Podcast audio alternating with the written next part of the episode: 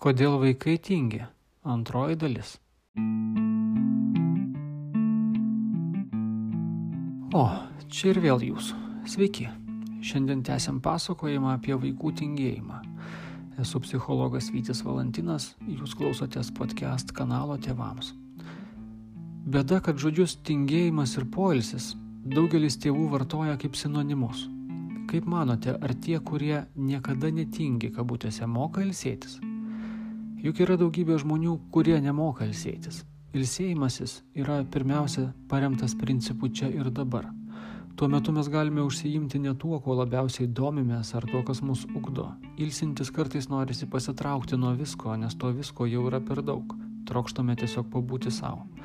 Ir būname savo mes skirtingais būdais, nes skirtingų žmonių nervų sistemos aktyvumas iš prigimties skiriasi. Vienas vaikas ilsėsi svajodamas, kitas sulindęs į paslaptingą stalčių, o trečiam reikia tris ratus aplink namą apibėgti ir du langus iškulti. Jis taip geriausiai pailsi.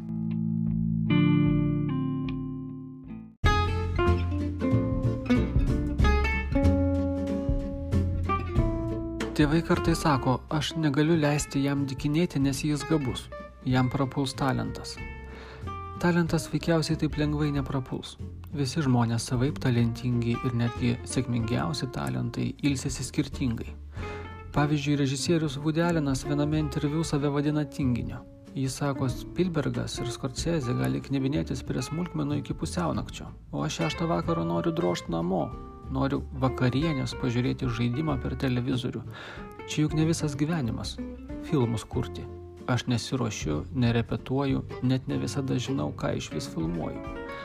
Tai štai vaiko, dar vos pradėjusio lankyti mokyklą ar filmus kurti, tėvams yra labai svarbu suprasti, kad augant įgyjamos ne tik naujos pareigos ir atsakomybės, bet turi tapti prieinami nauji malonumai.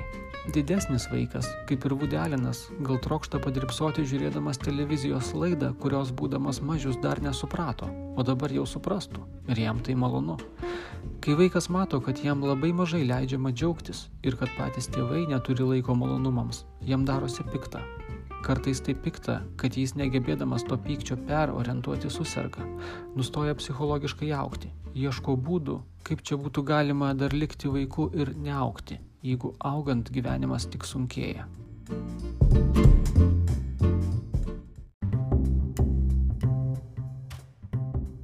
Valdas Papievis, mūsų gentainis rašytojas gyvenantis Paryžiuje, yra savo romane pasakęs, mes plakamės kaip švendrė saulės įkaitinta morė vieni į kitus, tardamiesi, kad turim kažką padaryti, nesgi negalim šį čia būti tik šiaip. Tenka sutikti daug vaikų, kuriems tėvai neleidžia pabūti tik šiaip. Paslankioti, padikinėti, padripsoti. Šitie dalykai kai kuriems tėvams atrodo visiškai nelegalūs.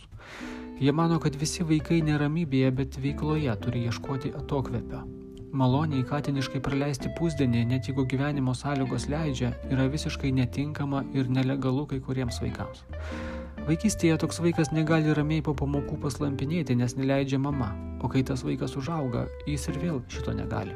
Kodėl? Juk jam nebereikia grumti su tikra už nugaros stovinčia mama. Nereikia, bet vidinė mama jo galvoje sėdi ir ji jam neleidžia atsipūsti. Ir ne tik jam vienam. Žmogus ir savo šeimos narius persikioja, kad jie nedikinėtų. Gana knarkt užgulam ir klus. Privykit mamą.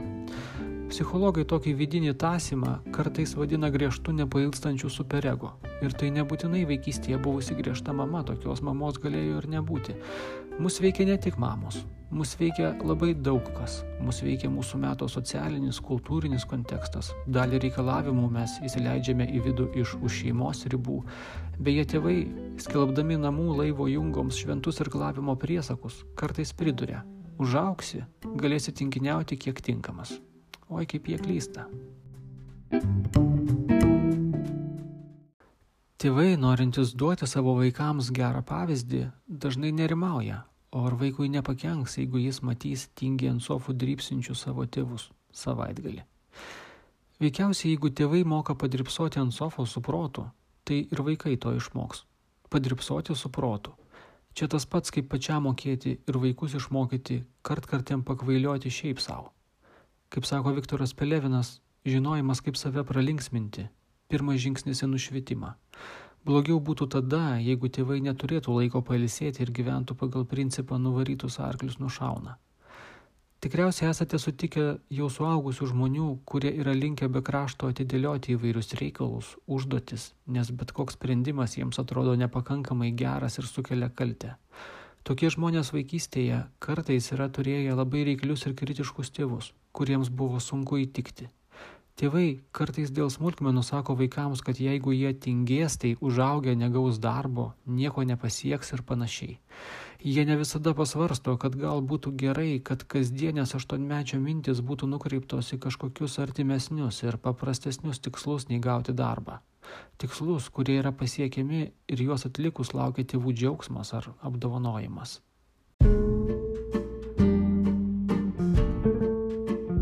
Ramaus vakaro. Jūs klausotės podcast kanalo tėvams, kurį rengiu aš, psichologas Vytis Valantinas. Jei šis kanalas jums patinka, jūs galite apie jį draugams papasakot. Jį taip pat galima prenumeruoti SoundCloud, Spotify, Apple Podcasts platformose. Kviečiu jūs pamėgti mūsų paskyrą Facebook socialinėme tinkle, kurią rasite įvedę pavadinimą Psichologinė pagalba vaikui ir šeimai. Jeigu jūsų vaikui reikalinga pagalba, jūs galite susisiekti su mūsų psichologais. Manimi Vilniuje, Renata Panevežyje, Jėva Šiauliuose, Jolanta Nikščiuose. Susitiksim vėl. Iki.